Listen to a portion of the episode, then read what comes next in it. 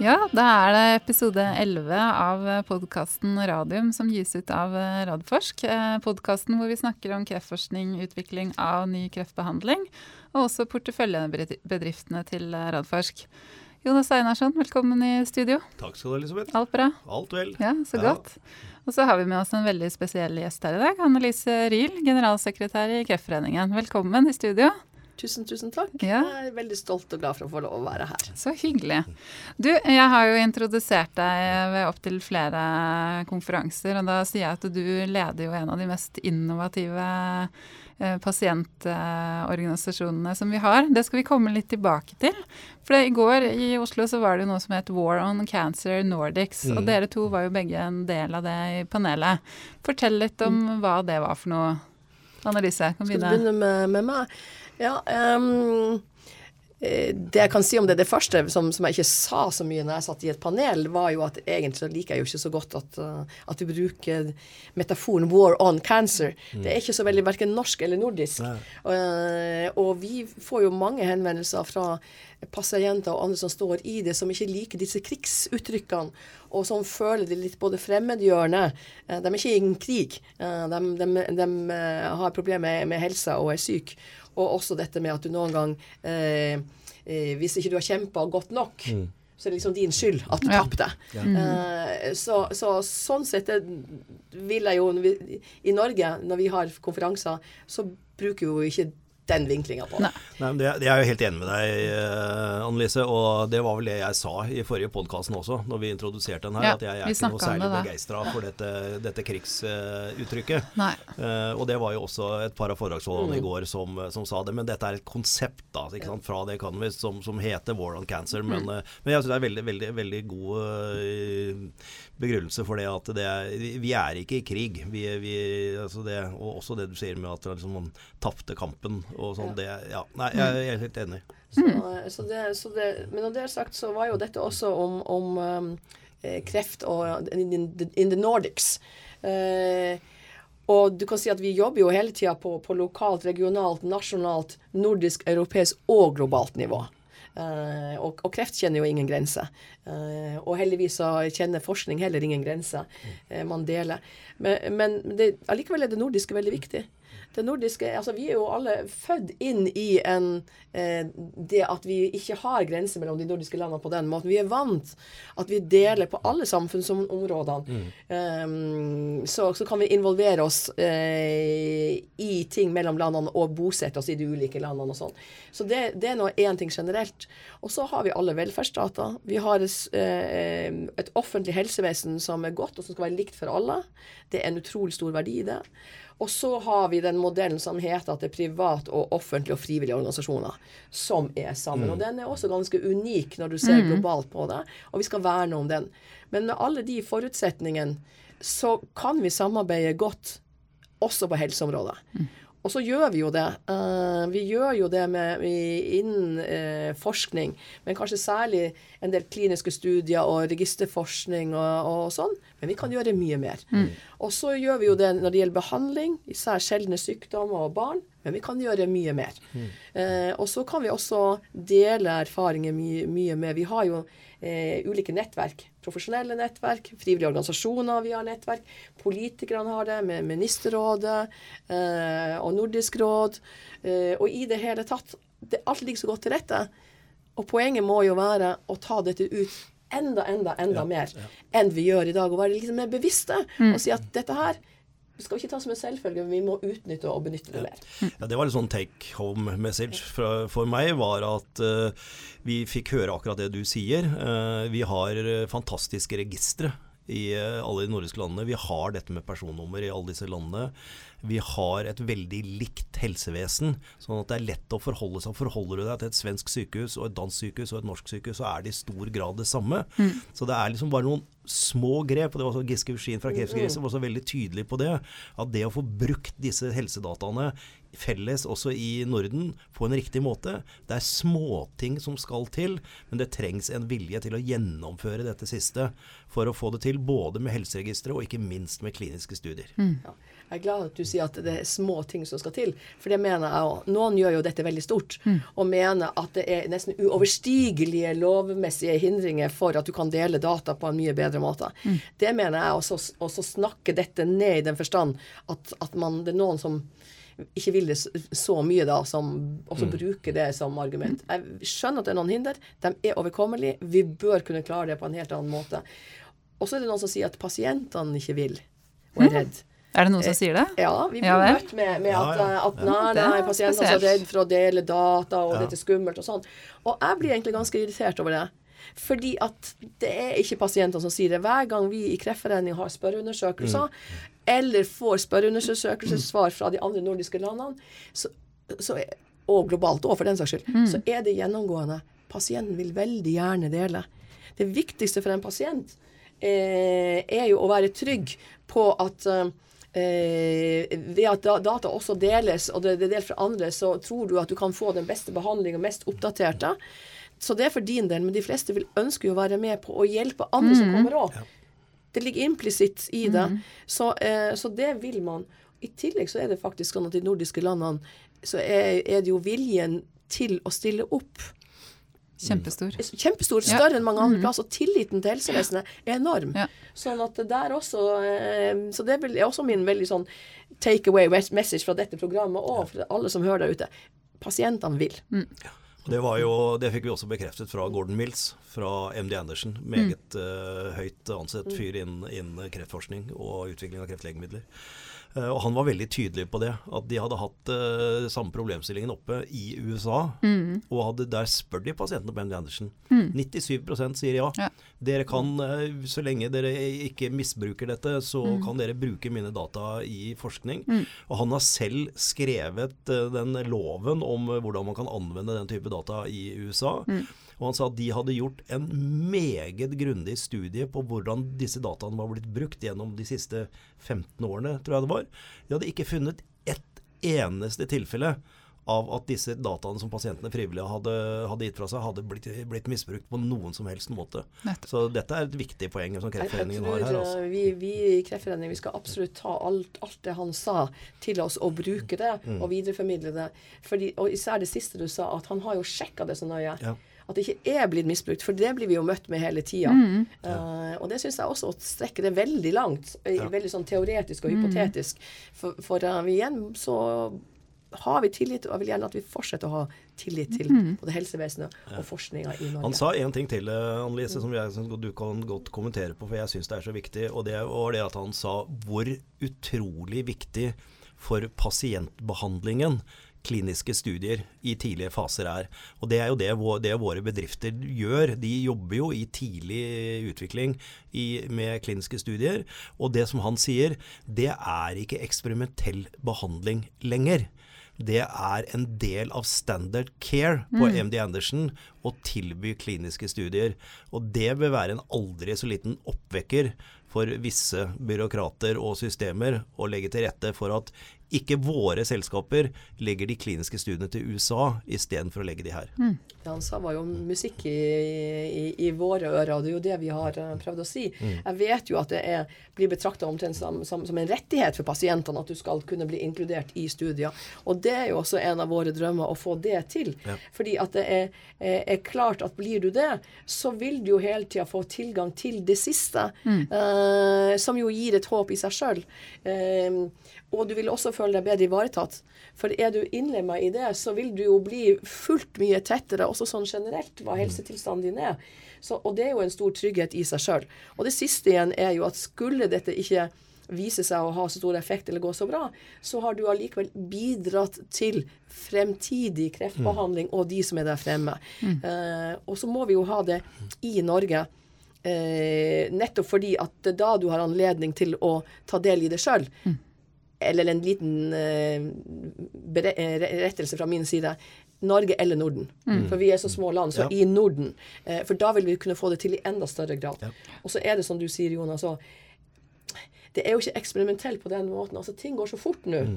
Og, og, det er jo fantastisk at utviklingen går så fort, og at kan vi være med og pushe den og ta del i den, så er jo det helt fantastisk. Ja. Skal du ha god pasientbehandling i, i Norge, så må vi ha oppegående miljø òg. Og du må ha eh, forskere og klinikere og andre som er interessert og ønsker å være oppdatert.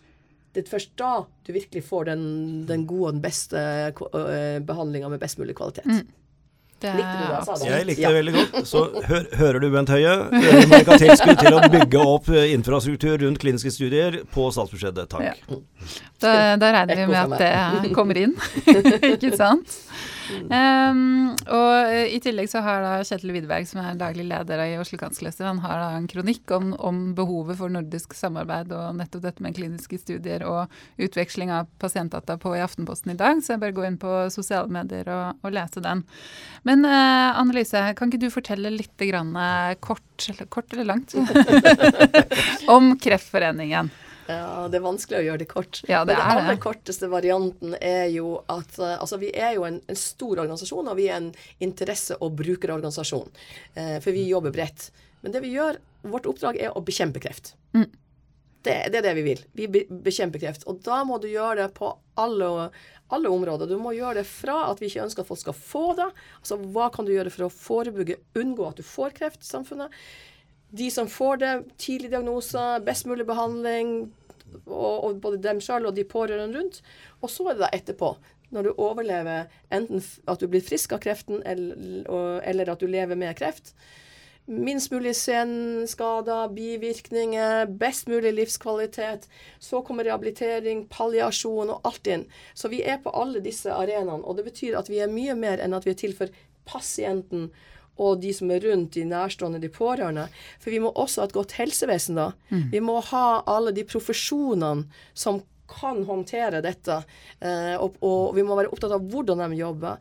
Vi er nødt til å ha forskning eh, som hele tida bringer fremskritt. Mm. Og vi må ha forskning som ikke ender i publikasjoner, altså alle er happy med det, men vi må få forskninga til å være med på å utvikle nye medisiner, nye teknologier, nye metoder. Så, uh, så, vi er på alt det, og vi jobber da lokalt og regionalt og nasjonalt og mm. nordisk og europeisk og globalt. Og vi jobber mm. alene, og vi jobber sammen med andre. Så, det, um, så vi gjør mye. Men mm. det er mm. derfor vi er en så stor organisasjon som vi er. Mm. Med over 113 000 medlemmer. Så det er en av de største faktisk organisasjonene i i, i Norge.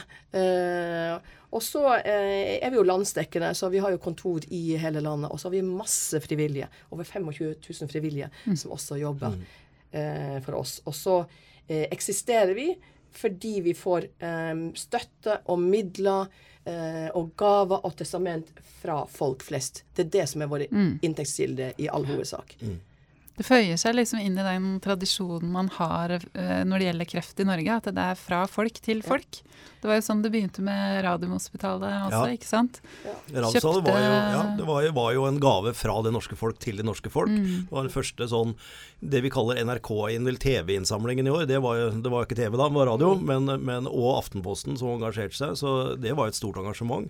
Uh, og Kreftregisteret ble opprettet og funda av forløperen til, eh, til Kreftforeningen. Mm. Sånn at Det er altså et godt eksempel på hvordan først Ravnsdal, så Kreftregisteret og så Instituttet for kreftforskning, mm. som ble funda på en gave fra Norsk Hydro. Så hele tiden det frivillige i kreftomsorgen og arbeidet i Norge har vært tufta på frivillighet fra dag én. Mm. Uh, og det er jo ingen tvil om at Kreftforeningen er en den viktigste bidragsyteren og har vært i mange, mange mange år. Ja, vi er jo 80 år nå ja. til neste år. Så, så, sånn at, eh, så, vi har jo vært med på hele reisen, ja. du sier. Men det som er bakteppet, det er jo fordi at kreft berører alle. Ja. Og rører alle. Mm. Og du blir uh, involvert i det fordi at det er uh, så mange som, som, får kreft. Og får du ikke kreft, så er det noen av dine aller nærmeste som har fått mm. det. Så det er jo derfor folk er engasjert. Mm. Og engasjert i at selv om vi har en velferdsstat, selv om vi har alt det, så føler folk at du er nødt å bidra eh, sjøl for å få det enda høyere prioritert, ja. og få fortgang i det, og fordi at folk vet at sjøl og gjennom sånne som oss, så kan vi peke på hvor skoen trykker, mm.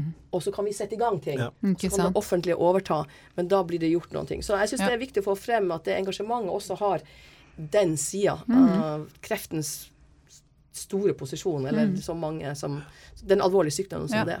Mm. Men det er jeg helt enig i, og, og Kreftforeningen har en eh, Det er en utfordring vi har nå innenfor eh, om, omskreftomsorgen, hvor Kreftforeningen virkelig kan spille en rolle nå og være foregangslederen i det.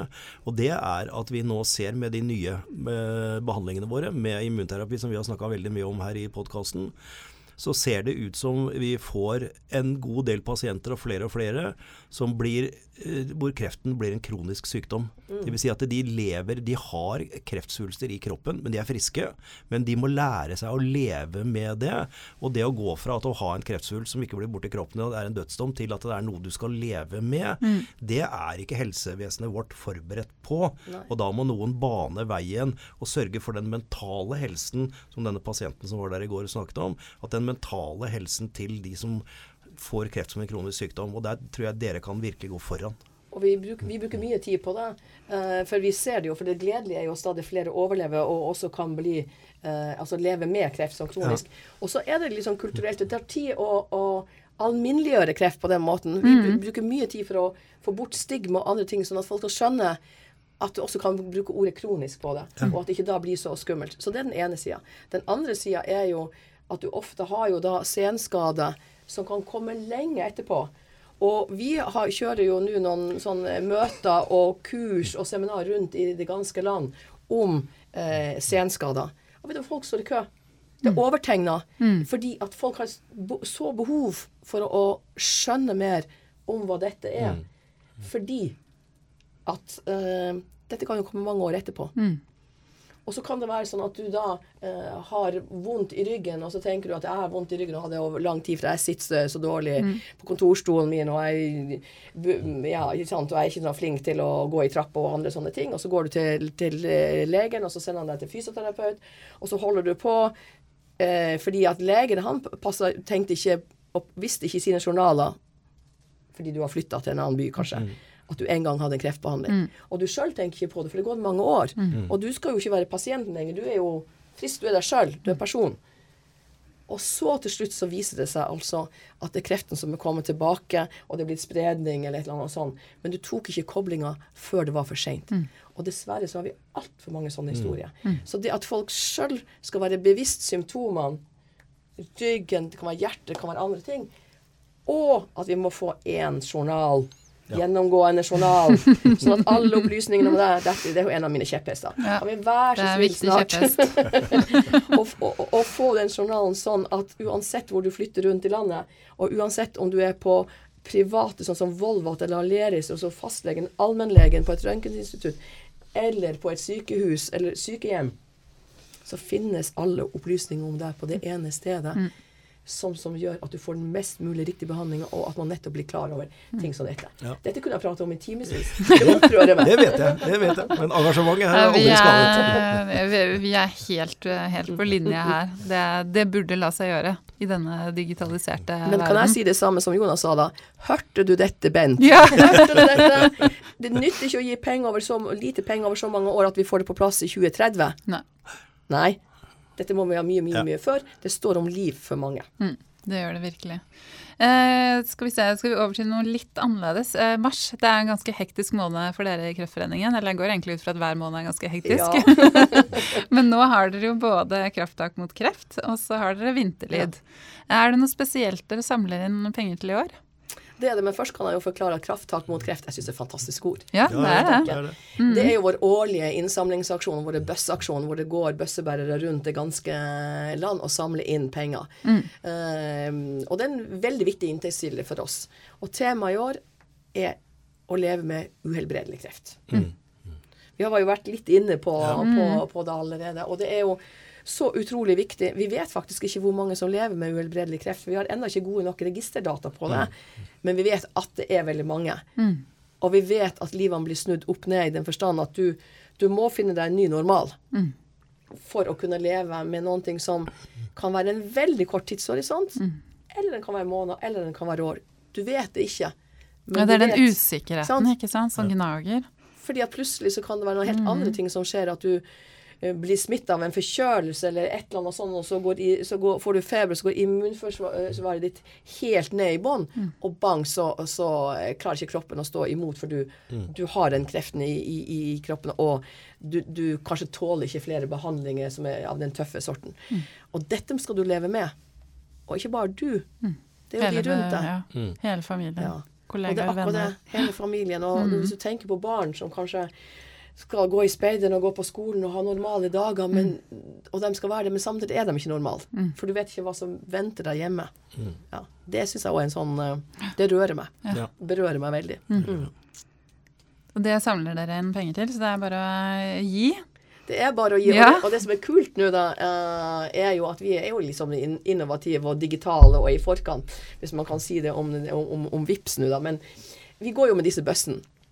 Men folk har jo ikke penger lenger. Nei, har ikke det.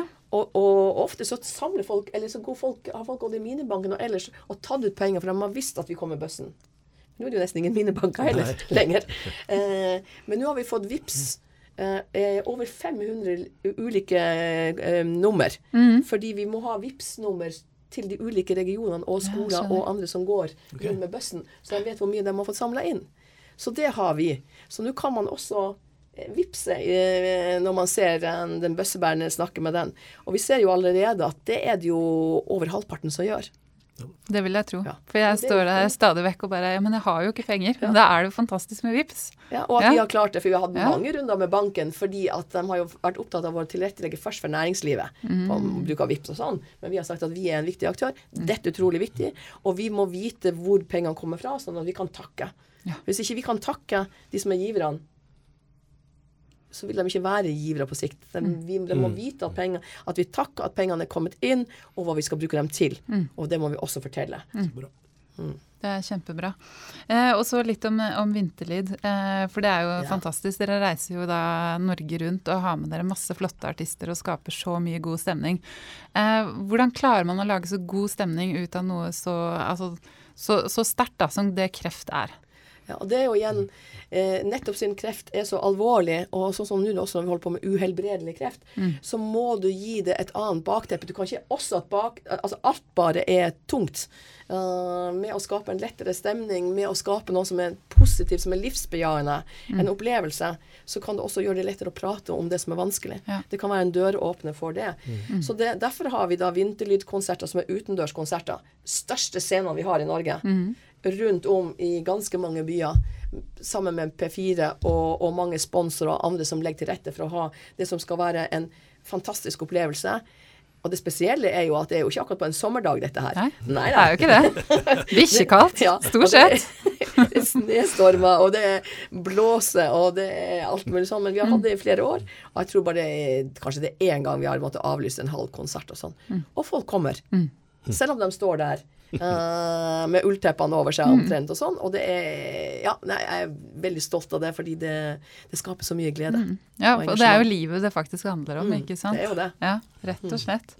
Um, årlig så gir dere omtrent 200 millioner eh, norske kroner i kreftforskning. Det er jo fantastisk i seg selv. Eh, og det gir dere ut til forskningsmiljøer. Eh, hvordan tenker dere da, når dere skal gi til de ulike miljøene? For her må man søke, ikke sant? Ja. Det viktige er jo igjen, eh, bakteppet er, er, er jo igjen at de pengene vi har, har vi jo fått fra ulike, fra folk flest. Eh, og, og, og som også ønsker at det skal gå til forskning. Eh, mange ønsker det, og det og, og, fordi at det skaper håp der, der fremme og endringer. Eh, og da har vi også eh, Vi hadde en stor open call eh, hvor man kan søke. Og så har vi en nitidig struktur av fagfeller som vurderer dette like nøye som det Forskningsrådet og andre gjør. Eh, sånn at vi er sikre på at det er, dette blir gjort i en prosess som er hvor habilitet er ivaretatt, at det er transparent, at det er kriterier som er objektive, at det dermed skjer rettferdig, at man, alt mulig sånn. Det må være på plass. Det skal aldri være tvil om det. Eh, men det er selvfølgelig kreftrelevans og kvalitet og alt mulig sånn som, som, som gjelder. Eh, og det, dette og alle disse pengene gjennom så mange år har jo vært med å bygge opp egentlig de fleste kreftforskningsmiljøer som finnes i dette landet. Uansett hvor du går på hvilke universitet eller andre plasser, også på, eh, på universitetssykehusene, så er det vel knapt en forsker som ikke i en eller annen periode har fått penger gjennom Kreftforeninga. Og Og Det det er- jo også veldig flott. Eh, nå kan du si at nå i dag så det offentlige gir jo mer og mer penger til forskning, så vår andel er vel ca. 13-14 Men vi er jo den største da, eh, ekstern finansieringsaktøren. Eh, og egentlig større enn hva Forskningsrådet gir på, på, på dette området. Em, og det jeg vil tro, da, um, for å være ikke så veldig beskjeden som jeg jo har en tendens til å være, um, så, så, så tror jeg nok at det vi har gjort alle disse årene, har vært med på nettopp å løfte kreft som det forskningsområdet innenfor helse som er kommet lengst, og hvor vi, hvor vi virkelig kan si at vi har veldig høy kvalitet også internasjonalt. Fordi ellers, det, det, det det offentlige gjør, de gir jo da til helse som sådan. De definerer det jo ikke ned til diagnoser. Så når vi kan komme med alle disse pengene som vi har gjort over så mange år, så har det gitt en mulighet til å skape veldig gode forskningsmiljø som har klart å få en kvalitet som gjør at, som har gjenklang internasjonalt. Og da kan vi få opp sånn som eh, Forskningsinstituttet her og, og Oslo Cancer Cluster og alt dette her, og bygge videre på det. Og få den helt unike diamanten som vi har klart nå å, å få til i Norge. Var ikke det bra? Jo. Hørte du det, Bent Høie?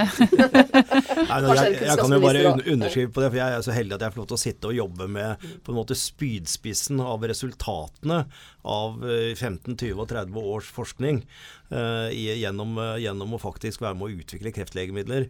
eh, som vi ikke hadde klart å gjøre hvis vi ikke hadde hatt dette målretta fokuset på at vi skal være gode på dette. Og også at de har fått støttet forskning som kanskje eh, ikke var helt eh, i eh, topp når det gjelder anseelse, igjen tilbake til immunterapi. Disse forskerne våre som når vi nå får resultatene fra, når de holdt på for 30 og 25 år siden, så var det ikke mange som levnet immunterapi en sjanse i kreftbehandling, men da også fikk de støtte til forskningen sin. Så ting tar tid, og man må tørre litt, og det, det har Kreftforeningen gjort. Og det, og det er viktig.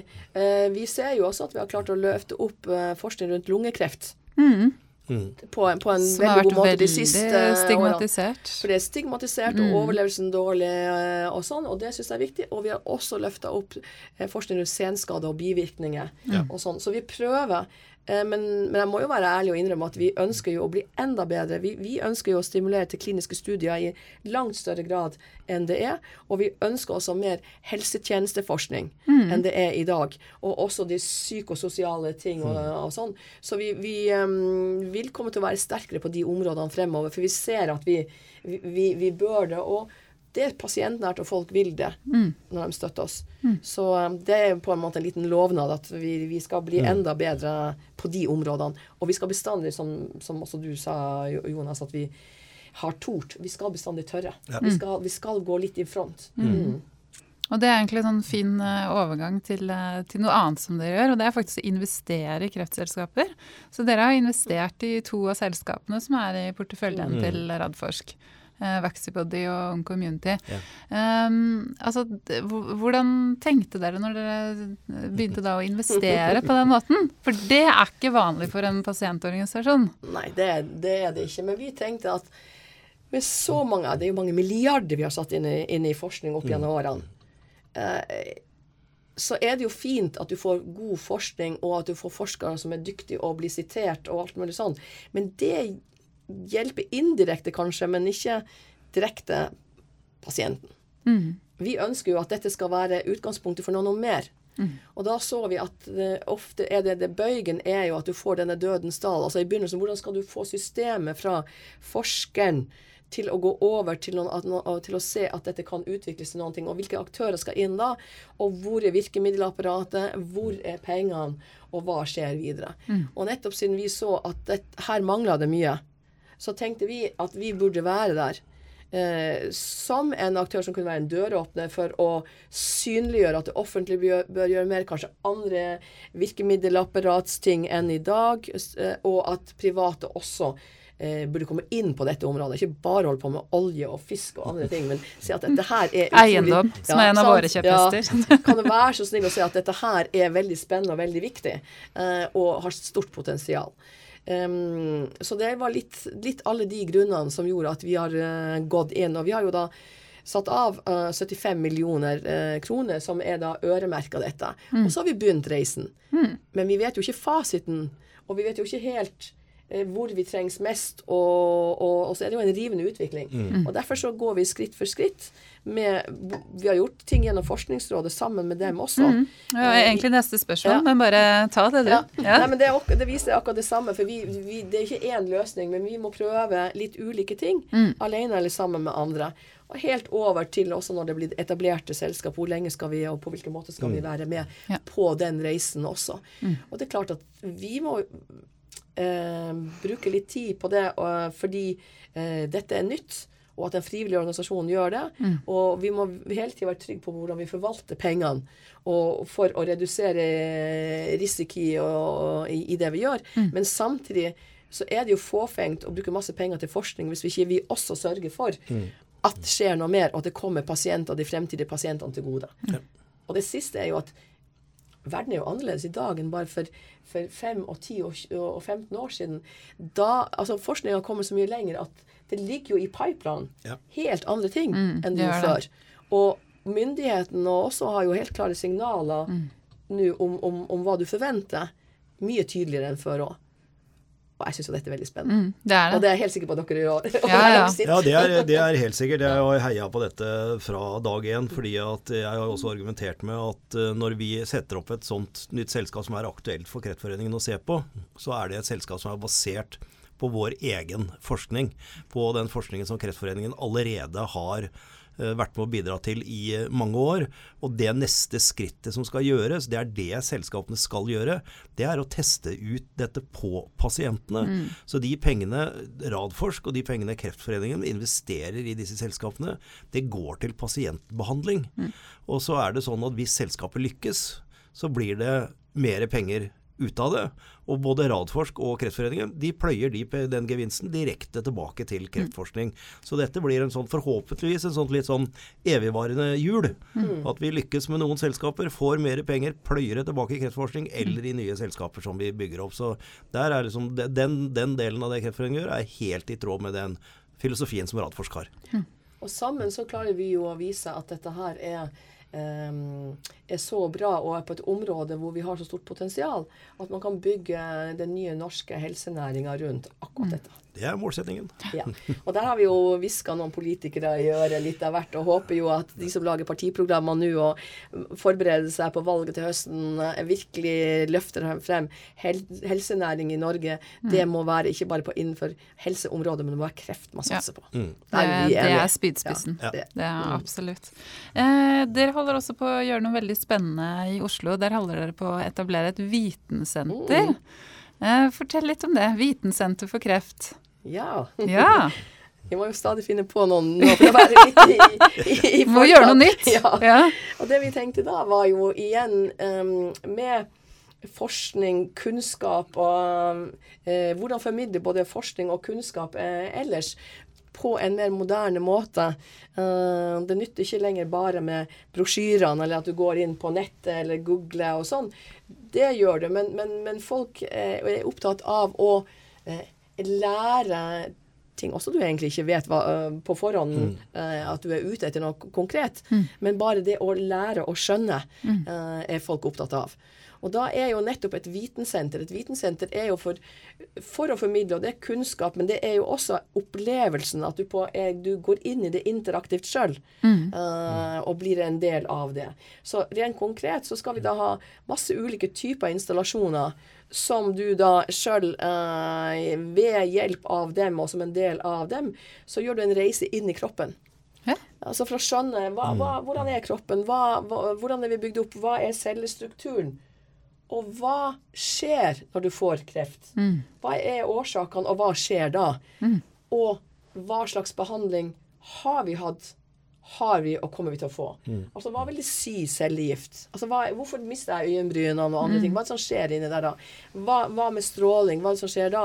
Men ikke bare hva som skjer da, og kirurgi, og nå immunterapi. Men stråling for 15 og 40 år siden er jo ikke det samme som stråling i dag. Så det er også å vise utviklinga gjennom alle disse behandlingene og kombinasjonene. Så det er som om du skulle sette deg, liksom reise som en liten sånn astronaut inn i kroppen og skjønne dette og være med på det, og gjette litt rundt og sånn. Så vi tror det blir utrolig spennende. Er for allmennheten. Og så tenker vi at dette kan være et sted eh, som også eh, er med på eh, nye tanker og innovasjon og gründer, entreprenørskap. At de som kommer dit, kan være med og hjelpe oss å tenke nye installasjoner, nye ting. Eller tenke å, nå drar jeg opp hit eh, til Forskningsparken, for nå har jeg fått en ny idé, og den vil jeg ta videre. Eller at noen herfra kommer ned til oss. eh, og vil være der og være en del av det, og lage arrangement sammen. For vi skal også ha mange brukere som en arena for arrangement innenfor dette området, men også innenfor andre områder. Putte inn både kunst og kultur og andre ting, sånn at vi gjør dette relevant, og som, på sånn at det blir snakkisen i Oslo. Ikke sant? Ja. Det er der det skjer. det er der det er spennende å være. Ja. Ja. Dette, hører, dette høres jo nesten ut som et vitensenter det er verdt å besøke. Og Det er, ikke- ikke, det er ikke alle vitensentre som er det, men dette er jo så innovativt og så spennende. Eh, og folk hungrer etter informasjon og kunnskap som er lett tilgjengelig på dette området. De vil vite hva som skjer. Og det som er så morsomt nå, er at for 15 år siden så kunne vi egentlig ikke fortelle så veldig mye om hva som skjedde. Nei. For det visste vi ikke så veldig mye om.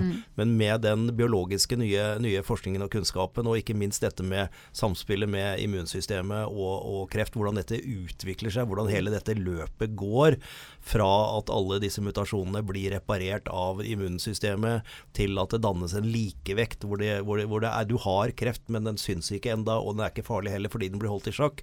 Og hvordan da kreftcellene da overtar, og så må vi behandle og hjelpe og sånn. Det er fantastisk spennende å kunne visualisere det, altså. Og så kan vi jo visualisere det på en helt annen måte nå enn vi kunne før. Mm. Med, med altså, tredimensjonalt, med dataprogram, med, med alt det vi har av digitale ting. Altså, vi er i stand til å gjøre ting nå som vi ikke kunne før. Så vi skal jo prøve å samle alle disse pedagogiske måtene andre aktører har gjort det, Mm. og si kan ikke dere også ha det hos oss? Eller kan vi få lov å bruke det? Mm. Fordi at dette blir veldig spennende. Så jeg håper jo at, uh, at uh, det, mm, dere ikke bare kommer én eller to ganger, men at vi kan gjøre noe sammen også. Når vi åpner dette her i september. At dette blir et veldig spennende sted. Hvor, hvor man kan lage nye linker mellom oss. Oslo, Oslo Cancer. Garantert stiller eh, opp på det og syns dette er kjempespennende. Og du vet også at utdanning er, eh, står høyt eh, her. Vi, vi, vi blir jo produsert av elevene på Ullern videregående skole i dag, med Ragnarok. Og, og vi har et utpreget samarbeid med, med skolen og utdanning og universitetet, så dette er kjempespennende. Ja, vi tenker jo mange av nettopp disse elevene her har lyst til å være frivillige og være, en del, være, være der nede i disse lokalene, kanskje sammen med oss av og til, og, og ta del i det også. Kanskje du, kanskje du skal produsere podkast her, så kan du jo bruke Ragn- Ragnarok. da. Skal du outsource podkasten vår, Nasha? Ja, dette må vi ta på bakrommet. Nei da. Det er rom for mange podkaster innafor det feltet her. Det er ikke noe tvil om. Du, helt til slutt, Annelise. Du er en eh, utrolig travel dame, så jeg vet at du snart må tilbake Ikke tilbake på kontoret engang, jeg vet ikke engang hvor du skal. Ikke, jeg skal ikke spørre deg om det heller. Men uh, du har jo selv opplevd det å være kreftpasient. Eh, du har vært generalsekretær i Kreftforeningen i 17 år, eller er det blitt 18 nå? Nei, det er 15. 15? Men det er lenge, det òg. Ja, det er lenge. Og så midt oppi dette med den jobben du har hatt, så opplevde du å bli pasient. Hvordan var det? Mm. Det var, er jo blitt en del år siden nå. Det var i Etter at jeg hadde vært eh, generalsekretær i vel en tre års tid, eller et eller annet sånt. Eh, så det ene er jo at selv om jeg liksom daglig sier av to av tre får kreft og sånn, så, så, så sier du det, og så sier jeg liksom og så brukte jeg å peke på folk. ok, Dere sitter her, det blir du og du, og kanskje ikke du og du og du, og ikke kanskje du. Men allikevel så er det veldig rart når, når pila peker på meg sjøl. Ja. Mm. Um, og det har vært ikke en nødvendig erfaring i jobben jeg gjør, men det har vært en veldig nyttig erfaring. Og den har nok gitt allikevel en helt annen innsikt i, i det å stå i det. Uh, nå må det jo sies at jeg eh, hadde brystkreft, og det ble oppdaga tidlig. Og, og, og sånn, sånn at jeg hadde jo en, et behandlingsforløp som var mye lettere enn de som virkelig er hardt ramma. Uh, men det som, som jeg tenkte mye på, var jo fra når jeg fikk beskjeden eh, og, og den ventetida til jeg fikk diagnosen, den nøyaktige diagnosen, som jo er ubeskrivelig lang, selv om den bare kan være dager eller eh, få uker, så, så er det et eller annet med at den du Det rasjonelle der tenker eh, Legen sa vel at dette her antagelig var på et tidlig stadie. Dette er jo ikke så lang tid. Nå kan du bare vente, så kommer resultatet, og så tar du det derfra. Men vi er jo ikke skrudd sammen sånn som mennesker. Vi begynner jo da med liksom var det egentlig det? Har jeg ikke vondt i foten og ryggen? Jeg har liksom ikke tenkt over det, og Plutselig så har du vondt overalt, og du tror at det er kreften som, som bare brer seg ut i full fart. uh, og at uh, du har ikke tid å vente. Og dette er det verste. Og du tenker litt på døden, og hvordan begravelse skal være. Du tenker litt av hva dattera mi 14-15 år. Eller sånn. Eh, Det er jo altfor tidlig. Jeg mista mora mi da jeg var 29. Jeg syns det var for tidlig. Eh, Så du får jo alle de tankene, uansett hvor, hvor rasjonell du er. Og uansett hvor mye jeg er en profesjonell person i jobben, så er jeg jo bare lille sårbare analyse når det kommer til stykket og i en sånn situasjon. Så akkurat dette her med ventetider å og få redusert dem, er jo en av våre uh, virkelige kampsaker og har vært i mange år. Fordi jeg tenker det er en av de verste tingene. Du må, du må vite hva du skal kjempe mot Ja. for å mobilisere på en god måte. Um, så, så, så det er de erfaringene. Og, og jeg deler dem jo gjerne, og ikke fordi at, at, uh, at jeg opplever det sånn som alle andre opplever det, for alle opplever det forskjellig, og vi er på ulike stadier, men det har noen fellesnevnere allikevel. Og det er denne, også denne kommunikasjonen med leger. Hvor mange leger og sykepleiere møter du? Hvor mye må du gjenta det? Og så orker du det ikke bestandig uh, helt, og så husker du ikke om du har sagt det eller ikke. Eh, altså alle disse tingene som jo Per Fugelli, men mange flere har påpekt. Uh, og dermed også rollen til pasienten. Hvordan skal du mestre livet best mulig, og hvordan skal du ta del i det på best mulig måte. er jo ting som, som vi jobber mye med i, i Kreftforeninga, og som jeg syns er kommet lenger i dagens samfunn enn bare for de, noen år siden også, når jeg var um, kreftsyk. Så jeg ser jo forandringen. Og da, ja Jeg ser jo også forandring på behandlinga som gis i dag, i forhold til det jeg hadde for eh, bare de 10-12 år siden. Og det syns jeg er fantastisk. At jeg ser helt konkret fremskrittene som forskning har resultert i. Alle de små fremskrittene som er hele tida. Det er noe helt annet i dag enn det var når jeg hadde kreft. I hvordan du behandler og kan behandle folk. Jeg syns det er fabelaktig. Ja, det er det. Og forhåpentligvis enda bedre om 10-12 Ja. år Mm. til. Det er ikke bare tror jeg, det vet jeg. Ja, det vet så vi. bra. Ja. Det er derfor vi holder på, er det ikke det? Jo. Jo, Ja. det er det. Det er det. Annelise, tusen hjertelig takk for at du var med i podkasten vår. Og tusen takk for at jeg fikk lov å komme. Og så håper vi at både Bent Høie og mange andre har hørt på dette. Ikke sant? Ja. Det gjør skal, vi. vi skal sørge for Ja. det. Takk skal du ha, Annelise. Så bra. Det var det veldig hyggelig besøk her av Annelise. I og med at hun var litt pressa på tid, så tar vi Aktuelt-spalten til slutt eh, denne gangen. Ja. Såpass fleksible må vi være. Eh, og da har vi fått spørsmål fra, fra en lytter sendt til meg på e-post. Det er helt supert, for da, vi, da får vi med oss spørsmålene. Ja. Så det bare oppfordrer vi til å gjøre. Eh, jeg bare leser opp spørsmålet, og så kan, ja. så kan du svare ut, eh, Jonas. Eh, hei, dere snakket i en tidligere episode av radioen om at kreftgåten, og sa noe sånt som at kreftgåten ikke er en gåte som kan løses, det er ikke den type gåte. I 2012 ble det skrevet at Gustav Gaudernack tester en vaksine som potensielt kan brukes mot alle typer kreft. Dette høres jo ut som noe som kan være løsningen på én kreftgåte. Men det er jo ikke første gangen vi kan lese noe sånt. Hva er ståa nå, fem år etter? Har vaksinen fortsatt dette potensialet? Og så står det har Targovax som mål å kurere alle typer kreft. Mm -hmm. Ultimo, er den som har den, eh, det selskapet som har den eh, vaksinen det blir eh, spurt om. Litt, litt sånn kort med dette med, med kreftgåten. Det var jo sånn tidligere at vi ikke visste hvorfor vi fikk kreft. Mm. Eh, Når jeg begynte i, den jobben her for 17 år siden, så hadde jeg en mentor som het eh, Harald B. Steen. Mm. Gamle fysikkprofessoren på Ramstallet. Eh, Og jeg var jo da en naiv allmennlege fra Vestfold, så jeg måtte prøve å forstå litt av dette her. Så jeg spurte han Harald, hvorfor får, vi, hvorfor får vi kreft? Og da sa han det spørsmålet må du snu helt på hodet. Det vi må forstå, er hvorfor vi ikke alle får kreft hele tiden. Mm. Hvor, hvordan det? Jo, fordi det skjer forandringer i cellene våre når de deler seg. Det er disse mutasjonene vi snakker om. Eh, og så er det sånn at disse mutasjonene og feil i DNA-et når de replikeres når cellene deler seg, det har vi et hav av masse sofistikerte reparasjonssystemer i kroppen vår, inkludert da immunapparatet, som retter opp disse feilene. Og sånn er det vi lever til daglig. Men hva er det som skjer når det systemet ikke fungerer godt nok lenger? Og det er der hvor immunterapien kommer inn nå. Og spørsmålet Altså Immunterapien kommer inn på at når Først så har du disse mutasjonene som da blir rydda opp i, og vi er friske.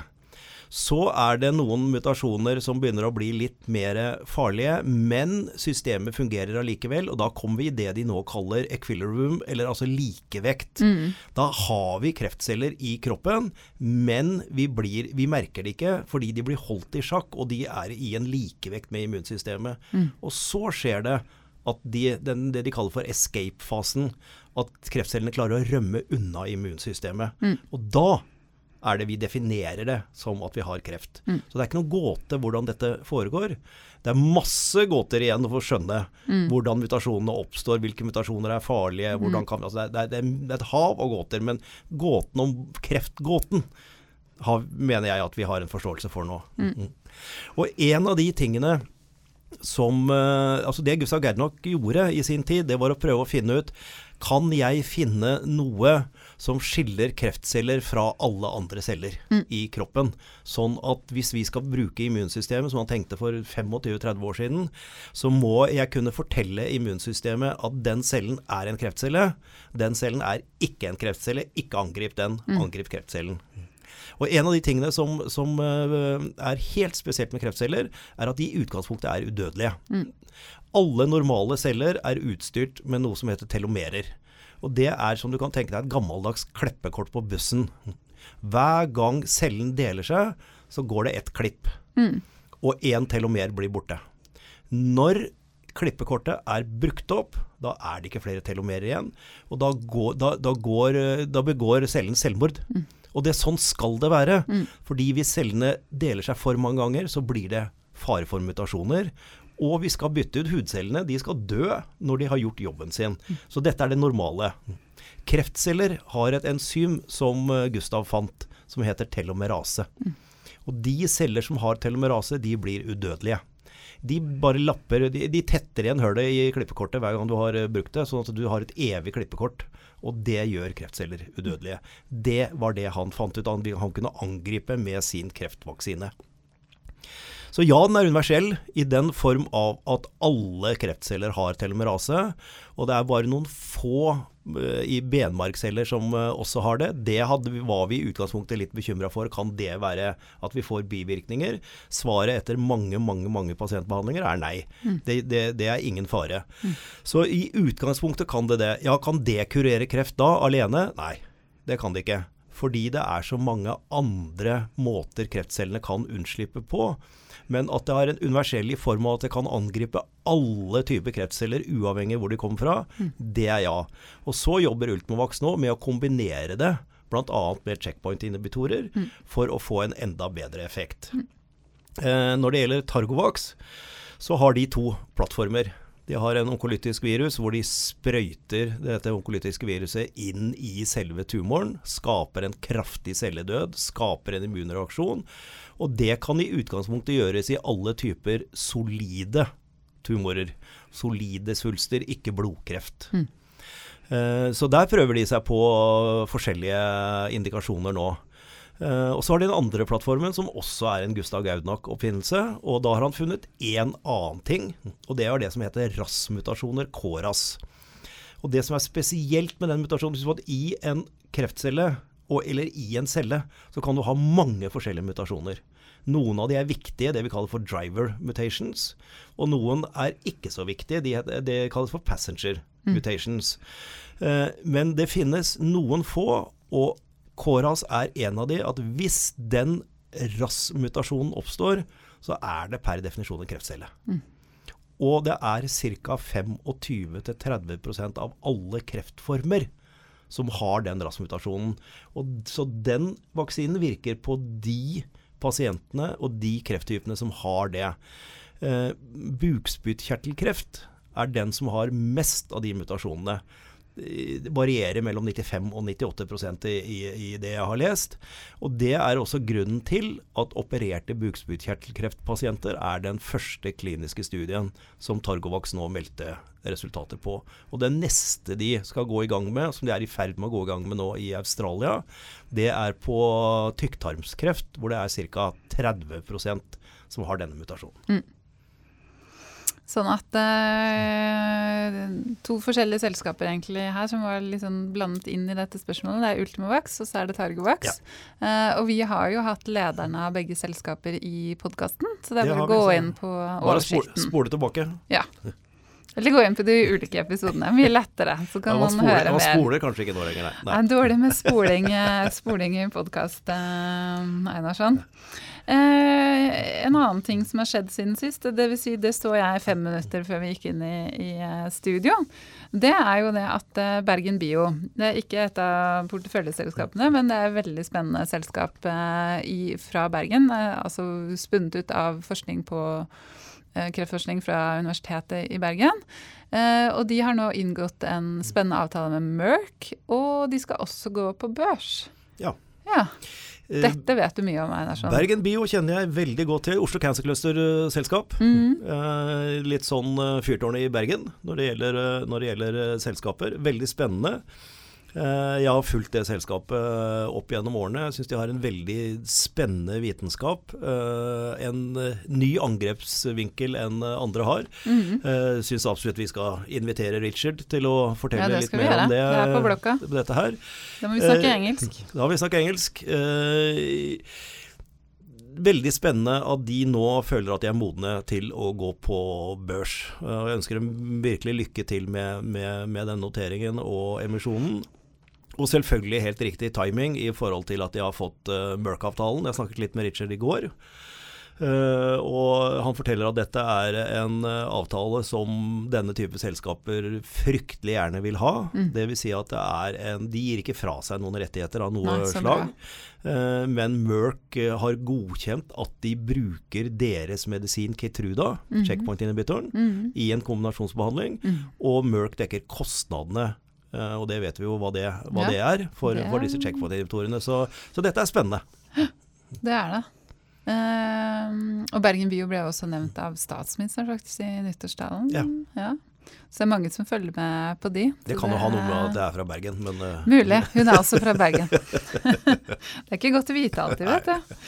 Uh, men helt til slutt så gjenstår det å si at uh, vi er faktisk ikke tilbake med podkast før kanskje i begynnelsen av april. Eh, for neste uke så skal vi ha jubileumsfeiring av eh, Radforsk, eh, 30 år. ja. Eh, og uka etter så er disse Ragnarok-gutta våre veldig opptatte, så da var det ikke tid til noen podkast. Men uka etter der igjen så får vi da faktisk Kjetil Hessdal fra Photocure i studio. Så Blir det blir spennende. veldig spennende. Det gleder vi oss til å høre Ja. mer om hva som skjer der. Takk for nå. Takk for nå.